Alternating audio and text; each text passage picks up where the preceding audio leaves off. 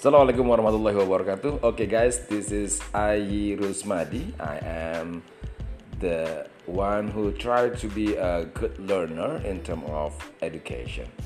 This is my podcast. I would like to have uh, some main discussion with the good people, especially those who engage with education.